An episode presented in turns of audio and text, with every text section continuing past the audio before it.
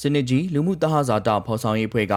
12ရက်နေ့ဖေဖော်ဝါရီလ2022ခုနှစ်မှာကျင်းပသည့်ပင်လုံစာချုပ်ချုပ်ဆိုခြင်း85နှစ်မြောက်အခမ်းအနားသို့တဝင်လွှာပေးပို့ခဲ့ပါသည်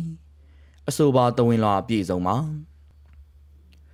2022ခုနှစ်ဖေဖော်ဝါရီလ12ရက်နေ့တွင်ကြာရောက်မည့်တမိုင်းဝင်ပင်လုံစာချုပ်ချုပ်ဆိုခြင်း85နှစ်မြောက်နှစ်ပတ်လည်အခမ်းအနားသို့မိမိတို့စနစ်ကြီးလူမှုတဟဇာတာဖော်ဆောင်ရေးအဖွဲ့မှတော်လှန်ရေးတစ္ဆာဖြင့်တဝင်လွှာပေးပို့အပ်ပါသည် ပင်လုံစာချုပ်ချုပ်ဆိုခြင်းတွင်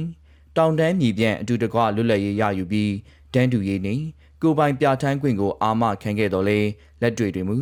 ၎င်းကတိကဝတ်များအကောင့်ထဲဖော်နိုင်ခဲ့ခြင်းမရှိခဲ့သည့်အပြင်လူမျိုးစုများသည်အစဉ်အဆက်အစိုးရများ၏ဖိနှိပ်မှုများကိုခါးသီးစွာခံစားခဲ့ရသည်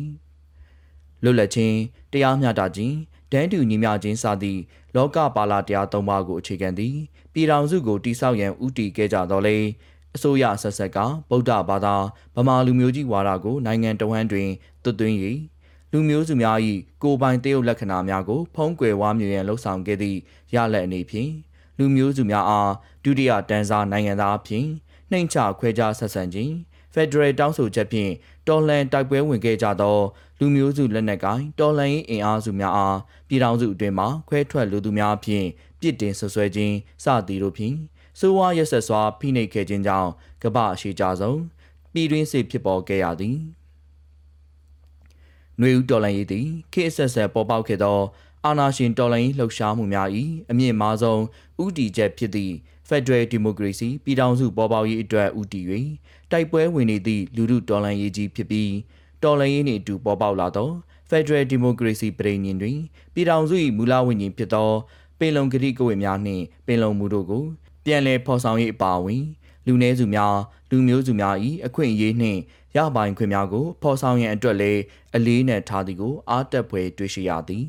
။နှွေဦးတော်လှန်ရေးကာလအတွင်းမြေပြန့်ဒေသများမှပြည်သူများအနေဖြင့်လူအဖွဲ့အစည်းအတွင်းတွင် အမြင့်တွယ်နေသည့်လူမျိုးကြီးဝါဒဆွဲများအားနားလေသဘောပေါက်လာခဲ့ပြီးလူနည်းစုများလူမျိုးစုများအပေါ် အထင်အမြင်လွဲမှားခဲ့သည်များကိုဝင်ချတောင်းပန်သည့်လှုပ်ရှားမှုများပြုလုပ်ခဲ့ကြခြင်းသည်လည်းတော်လှန်ရေးအလုံးအနာဂတ်လူဖွဲ့စည်းအတွင်းညီညွတ်ရေးအတွက်အားတက်စရာတစ်ခုဖြင့်မှတ်ယူအပ်ပါသည်ယခုတော်လှန်ရေးသည်ဖက်စစ်စစ်တပ်ကိုတော်လှန်ယုံတင်မကပင်လူဖွဲ့စည်းအတွင်းအမြင့်တွေဟောင်းနှွမ်းဆွေးမြေ့နေသည်အတွေးခေါ်အယူဆမှားပြားကိုပါမြေလံပြည့်ရန်ကြိုးပမ်းသည့်ဉာဏ်ပညာတော်လှန်ရေးလည်းဖြစ်ပြီး တော်လှန်ရေးကာလအသွင်ကူးပြောင်းမှုဆိုင်ရာတရားမျှတရေးကိုဖော်ဆောင်ရမည့်ကာလဖြစ်သည်နှင့်အညီပြည်သူများ၏တခဲနှင့်ထောက်ခံမှုရရှိထားသည်အမျိုးသားညီညွတ်ရေးအစိုးရအနေဖြင့်လည်းလူအဖွဲ့အစည်းအတွင်းပြုပြင်ပြောင်းလဲရေးညီညွတ်ရေးနှင့်လူမှုတရားမျှတမှုတို့ကိုဖော်ဆောင်ရန်အတွက်ရှေ့ဆောင်လမ်းပြအဖြစ်ရှိနေရန်အထူးလိုအပ်ပါသည်လူနည်းစုများလူမျိုးစုများအပေါ်ခေတ်ဆက်ဆက်အစိုးရ၏ကျူးလွန်ခဲ့မှုများအတွက်တာဝန်ခံပြီး တောင်းပန်ခြင်းအပါအဝင်လိုအပ်သည့်နည်းလမ်းများဖြင့်ကူစားခြင်းနိုင်ငံရေးဆုံးဖြတ်ချက်အခမ်းကဏ္ဍနှင့်အဆင့်ဆင့်သောနိုင်ငံရေးကဏ္ဍတို့တွင်လူနည်းစုများလူမျိုးစုများပူးပေါင်းပါဝင်နိုင်စေရန်အခွင့်အလမ်းများဖော်ဆောင်ခြင်းအခြားသောကဏ္ဍအသီးသီးတွင်အထူးစီမံဆောင်ရွက်ချက်များကိုမူဝါဒချမှတ်ဖော်ဆောင်ခြင်းစသည်ထိရောက်ပြီးလက်တွေ့ကျသည့်လှုပ်ဆောင်မှုများကို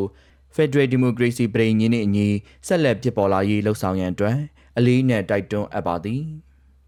မိမိတို့စနစ်ကြီးလူမှုတဟဇာတာဖော်ဆောင်ရေးအဖွဲ့အနေဖြင့်ပြည်ထောင်စုအတွင်းရှိလူမျိုးစုအားလုံးနှင့်အတူလက်တွဲကတော်လန်ရေးဤအဓိကရည်မှန်းချက်ဖြစ်သောစစ်အာဏာရှင်စနစ်အပါအဝင်အာဏာရှင်ဟုသမျှအမြင့်ပြတ်ချုပ်ငြိမ်းရေးလူမျိုးကြီးဝါဒပပျောက်ရေးနှင့်လွတ်လပ်ခြင်းတရားမျှတခြင်းတန်းတူညီမျှခြင်းတို့ကိုအခြေခံပြီး ပင်လုံကတိကဝတ်ကိုအာမခံသည့်စစ်မှန်မျှတသော Federal Democracy ပြည်ထောင်စုပေါ်ပေါက်ရေးတို့အတွက်ကြာရအခမ်းကဏ္ဍမှာတက်ကြစွာပါဝင်သွားမည်ဖြစ်ကြောင်းကတိသစ္စာပြုလျက်ဤတဝင်းလွှာကိုပေးပို့အပ်ပါသည် Synergy Social Harmony Organization Synergy လူမှုသဟဇာတဖော်ဆောင်ရေးအဖွဲ့2022ခုနှစ်ဖေဖော်ဝါရီလ12ရက်ဟူ၍ဖော်ပြပါရှိပါတယ်ခင်ဗျာ။